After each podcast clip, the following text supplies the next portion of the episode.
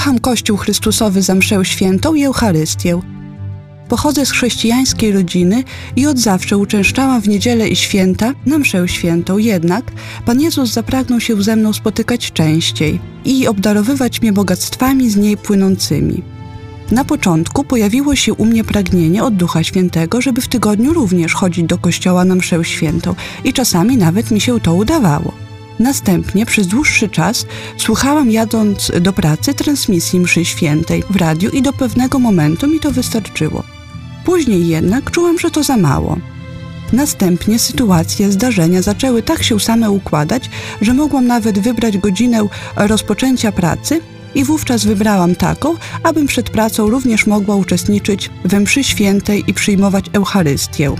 Z mojej strony wystarczyła tylko zgoda i chęć współpracy z łaską, aby uczestniczyć w porannych mszach świętych.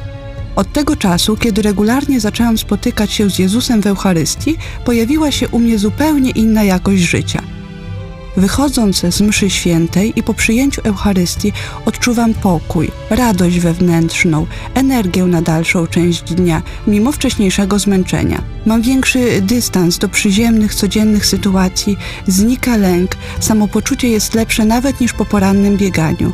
Nawet inni widzą owoce mojego chodzenia do kościoła. Często słyszę, że ja to taka uśmiechnięta jestem, albo żebym dała trochę tego pokoju, który u mnie widać.